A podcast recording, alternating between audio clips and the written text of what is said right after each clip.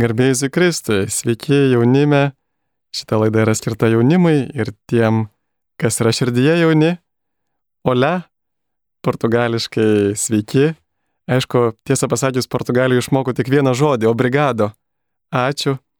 Ir pasaulio jaunimo dienos Portugalijoje mums visiems, kurie juose dalyvavome, tikrai atnešė labai daug gerų emocijų, labai daug įspūdžių, nors aišku, kelionė buvo ir ganėtinai varginga Portugaliją jūs turbūt žinote ir iš Fatimos apsiriškimų, kur 1917 metais mergelė Marija apsireiškė trims piemenėlėms ir ta žinia yra aktuali net šiandien, ypatingai šiandien, kada vyksta karas, kada Marija pranašavo apie Rusiją, apie tautų sunaikinimą, apie tai, kad Rusija atsivers, jeigu mes jos paklausysime, mergelės Marijos kvietimo.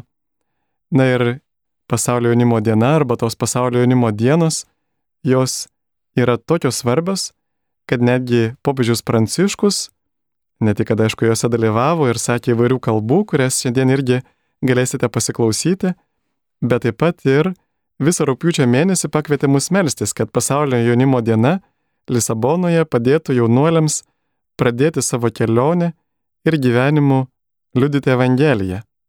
Kitaip sakant, kad jaunimas galėtų pakilti nuo sofos ir eiti į susitikimą su kitais, nešti jiems Kristų. Ir šioje laidoje kviečiame jūs pasiklausyti įvairių jaunuolių liudijimų iš pasaulio jaunimo dienų, iš Lisabonos, kaip jiems sekėsi tos jaunimo dienos, ką jie patyrė, o tarpuose taip pat girdėsite jaunimo dienų himnų ir tris popiežiaus kalbas. Patyriau, kokio ypatingo grožio ir gelmės yra tos kalbos. Net jeigu ir nedalyvavote šitose jaunimo dienose yra tikrai verta išgirsti, ką popiežius kalbėjo jaunimui. Taigi dabar kviečiu pasiklausyti pirmos jaunimo liudijimų dalies. Edilė Debora, ir jūs pirmą kartą jaunimo dienose? Taip, taip. O kaip čia sugalvojate atvykti? Tiesiog pasiūlė piligrimų centre einant į pamaldas, man tas priejo pasiūlė ir aš sakau, okei, okay, varys. Uh, Tiberiados broliai jau seniai kažkaip minėjo, kad bus šitas renginys ir taip vis atrodo norėjau atvažiuoti, bet uh, jis artėjo artėjo ir, nu, ir po to pasiūlė ir piligrimų centre ir... Ja. Ir kokios jūs, jūsų nuotaikos čia? Uh, truputį jaučiasi toks nuovargis, nes jau devin, dešimta diena bėga. Uh, bet šiaip labai smagu, kad tiek daug jaunimo, tiek daug jaunų žmonių, kurie atvažiavę dėl vieno ir to paties tikslo, tai labai smagu. Mano tik trečia diena, tai aš čia dar vis, visiškai šviežiai, man čia visiškai, visiškai smagu, patinka, aš laiminga, viskas fainai. O kaip jums toks jausmas, kad čia yra tiek daug įvairių šalių jaunimo, iš, nežinau, gal keliasdešimt šalių, jeigu ne šimto?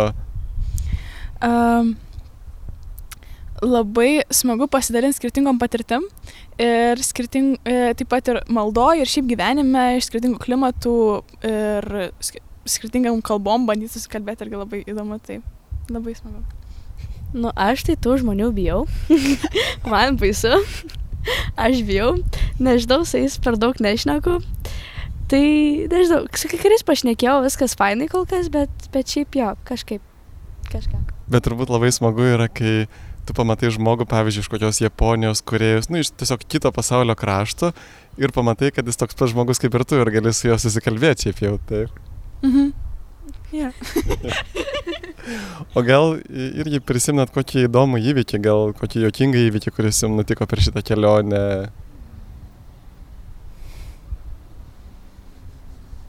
Arba tiesiog, nu, tokį didžiausią įspūdį, kas padarė?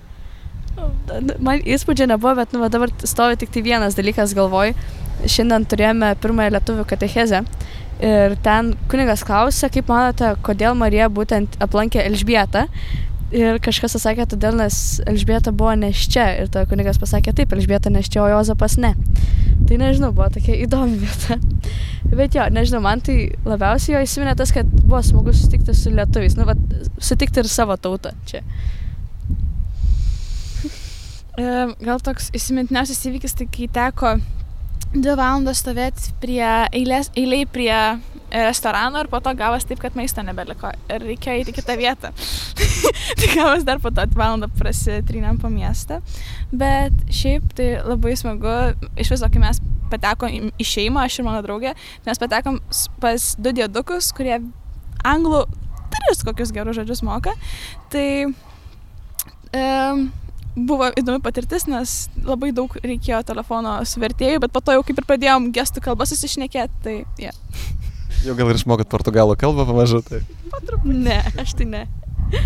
Ir ko norėtumėt palinkėti klausytojams arba kitiems jaunuoliams, kurie sėdi Lietuvoje prie televizorių ar prie kompiuterio? Aš manau, kad norėčiau palinkėti jiems atrasti tą jaunimo bažnyčią, nes tikrai atrodo iš šono žiūrint gal, kad bažnyčia nėra jaunimo, ten vyresni žmonės, bet tikrai bažnyčia yra daug jaunimo ir mes tikrai labai linksmai leidžiam laiką ir tikrai labai linksmai matome visą šitą tikėjimą ir turime tikrai labai gerą santykį su Dievu.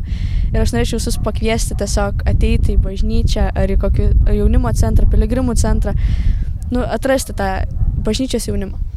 Uh, tiesiog nepamesti džiaugsmo ir džiaugtis kiekvieną dieną ir kaip Marija džiaugsmingai išėjo pas Elžbietą, taip sekti Kristumi ir džiaugtis kiekvieną dieną. Ačiū labai paprašysim klausytojų, kad melstųsi už jūs, kad jūsų kelionė dar būtų nuostabesnė iki. Kaip sekasi šitose jaunimo dienose? Tai iš tikrųjų labai gerai, net nebesuskaičiuoja, kuri dabar diena, tai iš tikrųjų labai daug įspūdinga, iš tikrųjų labai daug visko. Ir, ir vis įvairiausių šalių, iš tikrųjų tikrai geografinėje reikėtų pasimokyti prieš išvykstant, bet e, labiausiai tai patiko vakar vakare mišios, tokios tikrai įspūdingos ir komuniją dalina realiai ant vos nes kas 10 metrų, tai iš tikrųjų tikrai matosi, kad nori, kad e, tie piligrimai atvykę priimtų švenčiausiai. Tai iš tikrųjų, nu, įspūdinga. Labas, koks tavo vardas? Um, labas, aš esu Ugnė. Labas, Ugnė. Ir ar tu esi pirmą kartą jaunimo dienas? Taip, pirmą kartą. Ir koks įspūdis? Iš tiesų nuostabu, kiek jaunimo susirenka, mes visi tokie skirtingi ir galima tiek daug skirtingų kultūrų pamatyti ir susipažinti su tiek daug žmonių, tai yra iš tiesų nuostabu, niekada gyvenime nesu mačius tokio panašaus dalyko. Bet buvo ir sunkių dalykų, taip. Taip, tikrai, um, manyčiau, ir oro sąlygos, ir, ir sumetimai tokie tikrai paveikė visą mūsų šį renginį, bet manau, kad tai vis tiek ne, nenuleido mūsų nuotaikų ir vis tiek jautėmės puikiai. O ar pavyko kiek nors išsimiegoti per šitas dienas? Iš tiesų, kad ir miegojome salėje, tiesiog mėgmaišiuose, bet tikrai pavyko, kadangi su grupe, aišku, per dieną tikrai nuveikė labai daug dalykų, labai daug fizinio krūvio iš tiesų yra palyginus, tai miegas tikrai gerai.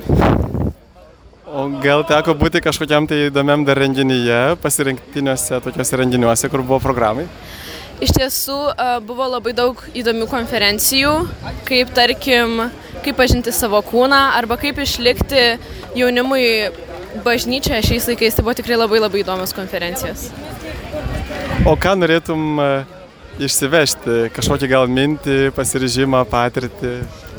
Aš galbūt manyčiau iš patirties e, mūsų lietuvių susitikimuose tiesiog eiti Kristaus valia ir dalintis jo gerumu, kadangi jis čia atvedė mane, tai dabar aš grįšiu, kupina naujų patirčių ir dalinsiuos Kristaus gerąją naujieną su visais. Ačiū. O dar gal galėtum pasakyti irgi klausytėm, o iš tikrųjų turbūt daug kas norėtų turėti to Kristaus gerumo, bet, bet mes jo dažnai neturime, va, kaip jo prisipildyti to Kristaus gerumu. Aš manyčiau, reikia save atiduoti jam ir tiesiog leisti jam kalbėti.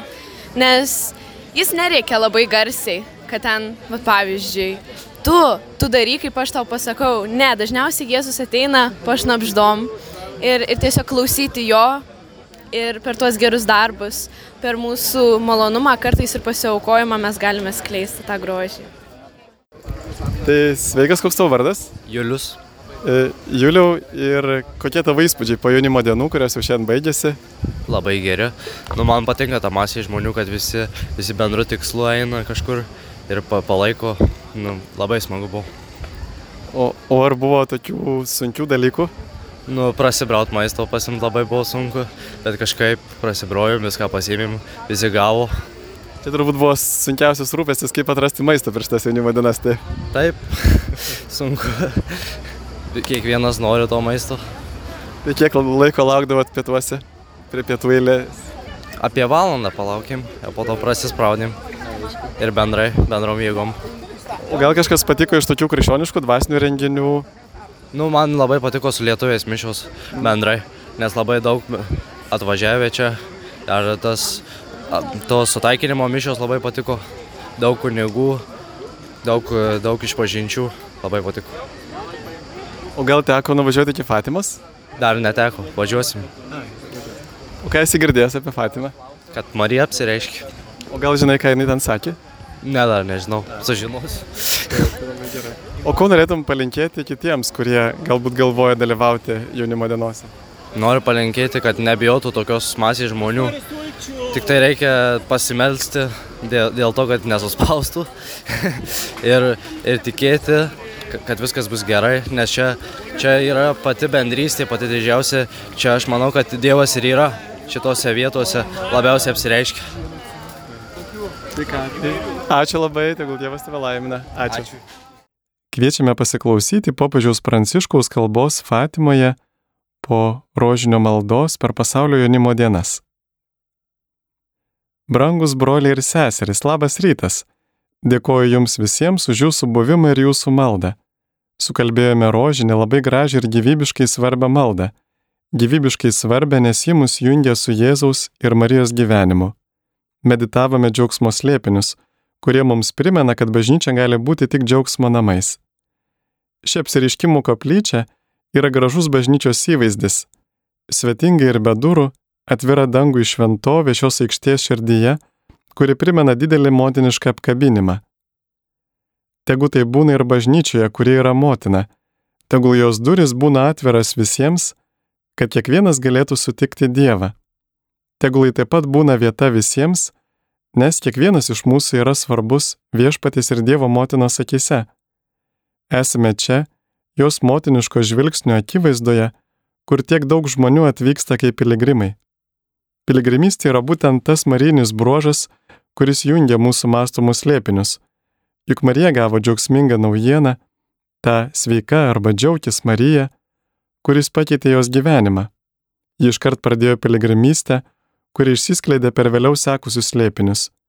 Jie aplankė Elžbietą, po to nuvyko į Betlėjų, paskui Jeruzalės šventyklą, kur galiausiai vėl grįžo ir rado Jėzų.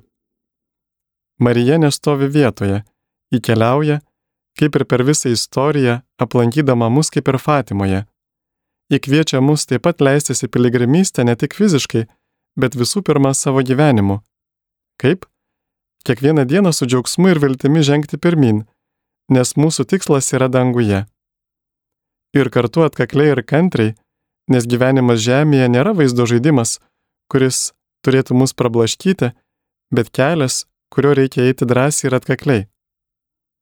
Čia noriu padėkoti tiems iš jūsų, kurie žino, kaip judėti pirmin, net ir slėgiami lygos ar būdami kalėjime. Jūs nešate kryžius, bet su Dievu jūsų kryžiai nenueis per niek, bet taps durimis išlovę. Tai tiesa, nes su Jėzumi kiekvienas kryžius baigėsi prisikėlimu, kiekviena tamsa šviesa, kiekvienas apleidimas bendryste. Ačiū Jums, nes liudijate, kad gyvenimas yra svarbesnis už sveikatą ir kad džiaugsmas kyla ne iš daiktų, kuriuos turite, bet iš meilės, kurią duodate ir gaunate. Marija yra su Jumis. Jį gyvendino didesnės svajones, nei kada nors galėjo įsivaizduoti. Kaip? Nesiekdama sėkmės, valdžios, turto ar žemiško prestižo, bet eidama Dievo keliu, tikrosios didybės keliu. O ar žinote, kaip vadinamas šis didybės kelias? Jis vadinamas mažumu, mažuoju keliu. Dievas visada renkasi mažuosius, nes jam jie yra didingi. Jis renkasi paprastus žmonės, kurie leidžia jam įgyvendinti savo didingus planus istorijoje. Kaip mokinius Evangelijoje arba vaikus Fatimoje, Dievas juos renkasi. Ir Dievo mylimas mažumas primena mums laikytis atokiau nuo baisios pagundos perfekcionizmo. Šiais laikais atrodo, kad mes neturime būti kitokie nei tobuli, turime būti puikūs, veiksmingi ir sėkmingi. Kiekviena silpnybė atrodo kaip trūkumas, o modeliai, kuriais mūsų į įvaizdį orientuota visuomenė žavisi, mums visuomet spindi ir blizga. Tačiau jie yra netikri, nes gyvenimas susideda iš tiesos ir tikrovės, o ne melo ir regimybės. Taigi kas seka vien žemišką išorę, tas liks liūdnas viduje. Kiek daug žmonių šiandien jaučiasi slegiami, kad jiems nesiseka, kad yra netinkami, klystantis. Jie stengiasi išoriškai atrodyti šaunus, geros formos, tačiau viduje jų širdis verkia iš skausmo. Bičiuliai, niekada neleiskime savo užsikrėsti perfekcionizmu, apsigauti miražais ar tapti vergais to, kas madinga. Būkime aistringi dėl autentiško gyvenimo, nes esame pašaukti būti gyvenimo kuriejais, o ne vaizdo redagavimo ekspertais. Pripildyti savo dienas prasmės, o ne jas lakuoti dėl išvaizdos. Padėkime vieni kitiems judėti pirmin kartu, ranka rankon, kojomis remdamiesi į žemę, o žvilgsnius nukreipdami į dangų. Tikrai tikėkime, kad mūsų silpnybės nėra neįveikiamos kliūtis, bet tik laiptelį aukštesnį lygį, nes būtent per mūsų menkumą Dievas padaro didžių dalykų. Visada prisiminkime, kad Jėzus daro stebuklus per mažumą. Be to, jis iš tikrųjų susitapatina su mažutėliais, Evangelijoje sakydamas, visą, ką padarėte vienam iš šių mažiausių mano brolių ir seserų, man padarėte. Ir jūs esate tarp šių mažutėlių, ligonių ar kalinių. Mėly draugai, Jėzus jūs taip myli, kad susitapatina su jumis ir jis prašo jūsų bendradarbiauti su juo per jūsų išsakomą užtarimo maldą. Bet kaip tai galima daryti? Fatima gali mums padėti, nes ji yra užtarimo mokykla. Iš tiesų Fatimos vaikai tapo puikiais užtarėjais dėka angelo, kuris juos mokė metus prieš Dievo motinai ateinant. Angelas jiems pasirodė sakydamas, nebijokite, nes kai Dievas ateina, baime visada išnyksta. Tada angelas prisistatė, aš esu ramybės ir taikos angelas. Kur Dievas, ten visada yra ramybė. Tada jis paprašė, melskite su manimi. Jis mokė juos maldų skirtų ne prašyti savo ir savo poreikiams patenkinti, kaip mes dažnai melžiamės, bet garbinti ir užtarti. Garbinti Dievą ir užtarti kitus. Tada angelas atsiklopė, palėtė žemę savo kaktą ir pakvietė juos melsti žodžiais. Mano Dieve, tikiu į tave, garbinu tave, viliuosi tavimi ir myliu tave. Prašau tavo atleidimo tiems, kurie netiki, negarbina, nesivilia ir nemyli tavęs. Tada jis pridūrė, Jėzus ir Marijos širdis yra dėmesingos jūsų maldavimams. Tai nebejotina. Dievas visada išklauso mūsų maldų, jos niekada nebūna tuščios, bet visada yra būtinos, nes malda keičia istoriją. Iš tiesų taikos angelas paaiškino, kad maldos ir aukos, aukojamos su meile, atneša taiką pasauliui. Galiausiai jis ištarė paskutinius žodžius vaikams, tarsi palikdamas jiems užduotį paguoskite Dievą. Ne tik mums reikia Dievo paguodos, bet ir Jis prašo, kad mes jį paguostume, nes Jis kenčia. Jis kenčia dėl blogio, susiskaldimo, taikos tokos pasaulyje, todėl Jis prašo maldos ir meilės. Kokią misiją mes turime istorijoje? Iš tiesų negalime savęs laikyti nenaudingais. Esame Dievui labai brangus. Mūsų gyvenimai ir aukos gali pakeisti pasaulį. Tai visad nauja ir gyva Fatimos žinia. 1917 metais pasirodžiusi Dievo motina būtent šį rūpiučio mėnesį pasakė štai ką stebėtino. Pas ją buvo atvesti keli ligoniai, kuriais ji labai domėjosi. Bet staiga ji pasidarė labai rimta, net liūdna, tarsi norėdama atkreipti dėmesį į dar labiau nerimą keliančią lygą. Ji pasakė, melskitės, labai daug melskitės ir aukokite aukas už nusidėlius, nes daug sielų patenka į pragarą, kadangi nėra kas už jas aukotųsi ir melstusi. Galėjome tikėtis, kad ji pasakys, jie pražūsta, nes yra nedori, nes pasaulis eina klaidinga kryptimi, nes yra mažai tikėjimo, nes klesti ateizmas, relativizmas ir taip toliau? Ne, Dievo motina to nesako. Ji yra motina ir nerodo pirštų į ką nors ar į visuomenę, Ji nekritikuoja ir nesiskundžia, bet yra susirūpinusi dėl to, kad trūksta užuojautos tiems, kurie yra toli, nes nėra ką melstis ir aukotis, nes trūksta meilės ir olumo. Tad šiandien priimkime šį kvietimą prisimti atsakomybę ir rūpintis tais, kurie netiki, neturi vilties ir nemyli. Taip Dievas tikrai mumis pasirūpins. Melskime, nes Fatima yra maldos mokykla. Dabar, kaip ir apsiriškimų metu, vyksta karas. Dievo motina prašė mūsų melstis rožinių už taiką. Ji neprašė mandagiai, bet motiniškai ragino, kasdien kalbėkite rožinį, kad atneštumėte pasauliui taiką ir karo pabaigą. Būkime vienos širdies, melskime taikos ir dar kartą pašveskime bažnyčią ir pasaulį, nekalčiausiai mūsų švelniausios motinos širdžiai. Amen. Mėly Marijos radio klausytojus, girdite laidą skirtą aptarti pasaulio jaunimo dienoms, pasiklausyti popiežiaus kalbų skambėjusi per jas, taip pat jaunimo liudijimų iš Lisabonos, kaip jiems sekėsi. Labas Šarūnai. Sveiki. E, kaip tau čia sekasi šitos jaunimo dienose? Puikiai, esu čia pirmą kartą. Iš tiesų tikėjausi uh, pamatyti visiškai kitokį vaizdą, paprastas dienas, uh, tokį tai tiesiog laiką malonumo, tačiau tai nėra laikas malonumo, tai yra laikas atsidavimo, atsidavimo Dievui. Reikia paukoti kažką, savęs atiduoti, kad surastai savyje kažką tikro ir gilaus ir galbūt su, su pagerintai ryšį su Dievu. Tai iš tiesų šitas laikas man buvo toks uh, bandymas uh, atrasti Dievą savyje. Ir iš tiesų jaučiu, kad pavyko. O kaip manai, ar kai atrandi Dievą, gilesnį ryšį su Dievu, ar pasikeičia santykiai su kitais žmonėmis? Taip, tai iš tiesų prieš šitą kelionę aš buvau per daug susitelkęs į save. Mes visi turime ego, bet šitą kelionę kažkaip padėjo suprasti, kad mes pasaulyje nesame vieni. Ir, ir iš tiesų vat, neseniai vat, buvo vienas įvykis, įdomus istorija, kad mums reikėjo pasimti maisto ir buvo labai didelis mėjo žmonių. Bet aš pa, pa, padėjau, paprašiau Dievo pagalbos ir mums pavyko to maisto suteikti kitiems. Tai iš tiesų pradėjau dalintis su kitais žmonėmis ir pa, pajutau, pajutau viduje, kad iš tiesų o, o, gyvenamas dėl kitų gali gyventi laimingesnį gyvenimą. Tai taip. Tai Labai ačiū ir tegul Dievas laimina tolesnę tavo kelionę. Iki.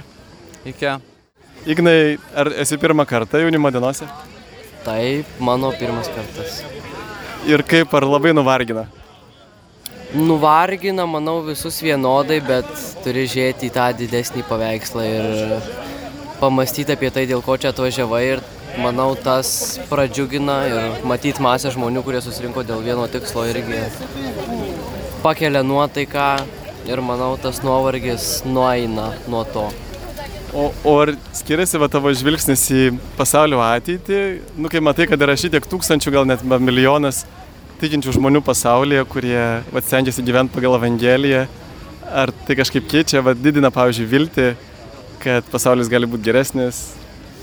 Pasaulis visada manau, kad gali būti geresnis, jeigu visi eitų irgi paskui Dievą, manau, pagal Evangeliją gyventų. Ir jeigu kuo daugiau žmonių atsiverstų, aš taip tikiu, kad pasaulis galėtų būti geresnis.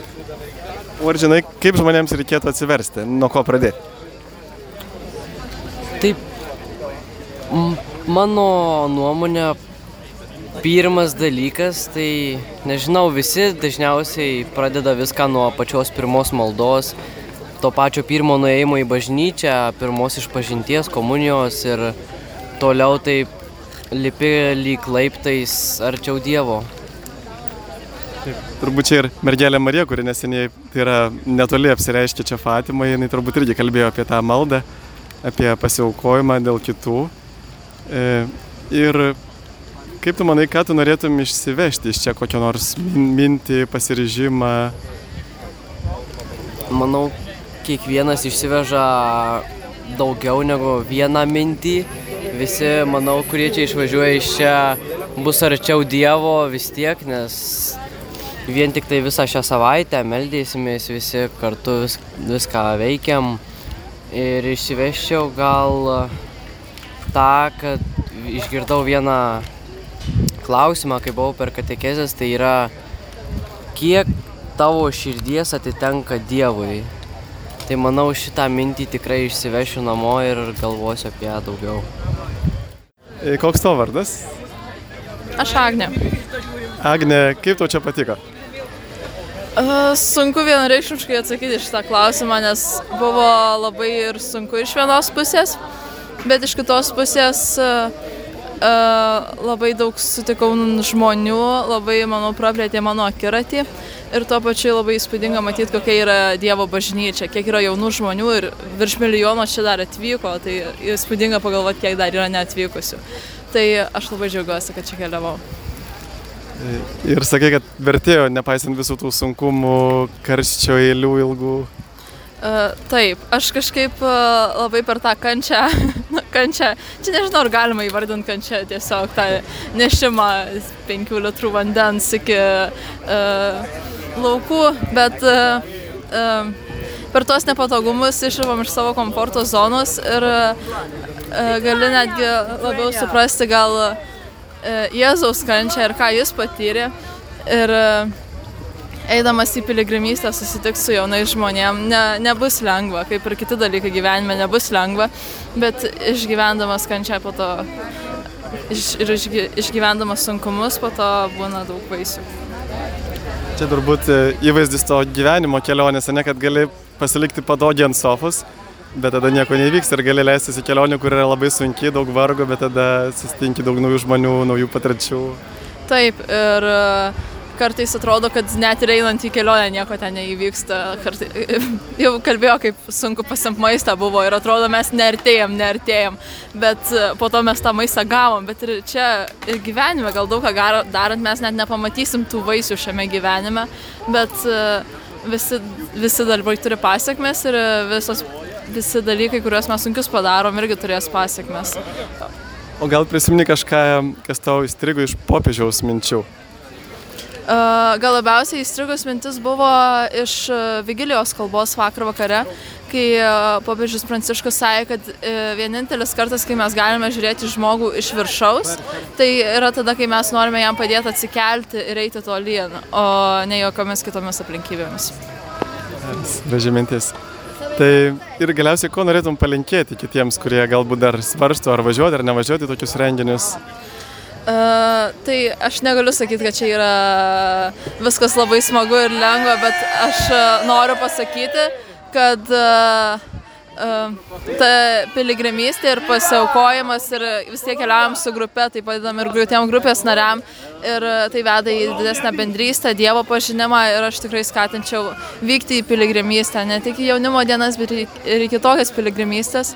Ir, uh, nes tai yra vienas iš būdų artėti prie Dievo ir pažinti jo bažnyčią. Ačiū tau labai. Iki.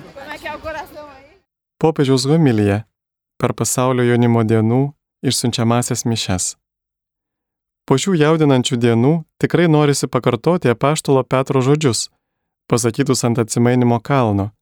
Viešpatie, gera mums čia būti. Iš tiesų, kaip gera buvo dalytis šią patirtimį su Jėzumi ir vieni su kitais ir kaip mes susivienijome maldoje. Tačiau po šių malonės kupinų dienų galime užduoti ir svarbų klausimą. Ką pasiimsime su savimi, kai nusileisime nuo kalno ir grįšime į savo kasdienį gyvenimą? Remdamasis Evangeliją, kurią girdėjome, norėčiau iš šį klausimą atsakyti trimis veiksmažodžiais - šviesti, klausytis ir nebijoti. Šviesti. Jėzus atsimainė ir, kaip sakoma Evangelijoje, jo veidas nušvito kaip saulė. Netrukus prieš tai jis išpranašavo savo kančią ir mirtį ant kryžiaus, sugriovė mokinių galingų ir pasaulietiško mesijų įvaizdį ir nuvylė jų lūkesčius. Dabar norėdamas padėti jiems suvokti meilės kupiną Dievo, kuris pašlovinamas kryžiuje ir per kryžių planą, Jėzus paima tris mokinius - Petrą, Jokūbą ir Joną ir vedasi juos į kalną, kur jų akivaizdoje atsimaino. Jo veidas spindi kaip saulė, o drabužiai tampa akinamai balti. Per tai šviesos pliūpsnių Jėzus paruošia mokinius tamsiai nakčiai, kurią jiems teks ištverti. Ši pribloškinti šviesos patirtis padės jiems ištverti tamsesis Getsemanės ir Kalvarijos valandas. Brangus bičiuliai, mums taip pat reikia šviesos pliūpsnio, jei norime įveikti nakties tamsą, gyvenimo iššūkius, mus kamuojančias baimės ir mus dažnai užklumpantį niurumą. Evangelija mums sako, kad ta šviesa turi vardą. Taip, šviesa atėjusi apšviesti pasaulio yra pats Jėzus. Jis yra saulė, kuri niekada nenusileidžia, bet ir toliau šviečia net nakties tamsoje. Po šių dienų drauge galime pagalvoti apie kitą Biblijos puslapį ir remdamiesi kunigo Ezros žodžiais, prašyti, kad viešpats mūsų Dievas apšviestų mūsų akis. Kristaus šviesoje ir mes esame perkyčiami, mūsų akis ir veidai gali spindėti nauja šviesa. Broliai ir seserys, to iš jūsų tikisi bažnyčia ir pasaulis - būti spindinčiais savo jaunyste, visur nešti Evangelijos šviesą ir būti vilties švituriais. Šiais tamsiais laikais. Leiskite jums kai ką pasakyti. Šviesą spinduliuojate ne, statydami save į dėmesio centrą, kurdami tobulą įvaizdį ar atrodydami galingi ir sėkmingi. Ne. Mes skleidžiame šviesą, kai priimame Jėzų į savo širdis ir mokomės mylėti taip, kaip Jis. Tuomet spindi tikrojo grožio šviesa - gyvenimo pasirengusio rizikuoti viskuo dėl meilės spindesys.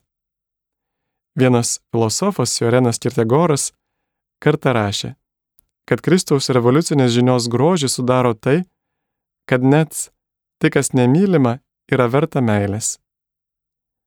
Kitaip tariant, mylėti artimą tokį, koks jis yra, ne tik tada, kai jis mums pritarė, bet ir tada, kai yra nemalonus ar priešiškas. Su Jėzaus šviesa mes galime tai padaryti. Jūs, jaunuoliai, esate pajėgus tokiai meiliai. Todėl galite sugriauti tam tikras sienas bei prietarus, ir nešti pasauliu gelbsinčios Kristaus meilės šviesą. Tegul jūs visada spinduliuosite tą meilę. Tegul visada spinduliuoja Jėzus, pasaulio šviesa. Antrasis veiksmažodis yra klausytis. Ant atsimainimo kalno šviesus debesis uždengia mokinius, o tėvo balsas kelbė, kad Jėzus yra jo mylimasis sunus. Tėvo įsakymas paprastas ir tiesioginis - klausykite jo. Šie žodžiai pasako viską. Visas krikščioniškasis gyvenimas telpa šiuose paskutiniuose mato Evangelijoje tėvo ištartuose žodžiuose. Klausykite jo. Turime klausytis Jėzaus, kalbėtis su juo, skaityti jo žodžius ir juos įgyvendinti, sekti jo pėdomis. Jėzus turi mums amžinojo gyvenimo žodžius, nes jis atskleidžia, kad Dievas yra tėvas ir meilė o šventojoje dvasioje ir mes tampame jo mylimais vaikais. Štai ko mums reikia šiame gyvenime - ne šlovės, sėkmės ar pinigų, bet suvokimo, kad nesame vieni, kad visada turime Kristų šalia, kad kiekvieną dieną galime pradėti ir baigti būdami tikri, jog mus apkabins viešpats. Turime klausytis Jėzaus, kad patikėtume, jog esame mylimi, apkabinti meilės, kuri niekada nesiliauja Taip pat atminkime, kad klausydamėsi viešpaties, būdami atviri visiems jo netikėtumams, gebame klausytis ir vieni kitų, tapti jautrus situacijoms aplink mus, kitoms kultūroms, vargšų ir pažeidžiamų žmonių prašymams, mūsų sužeistos ir skriaudžiamos žemės šauksmai.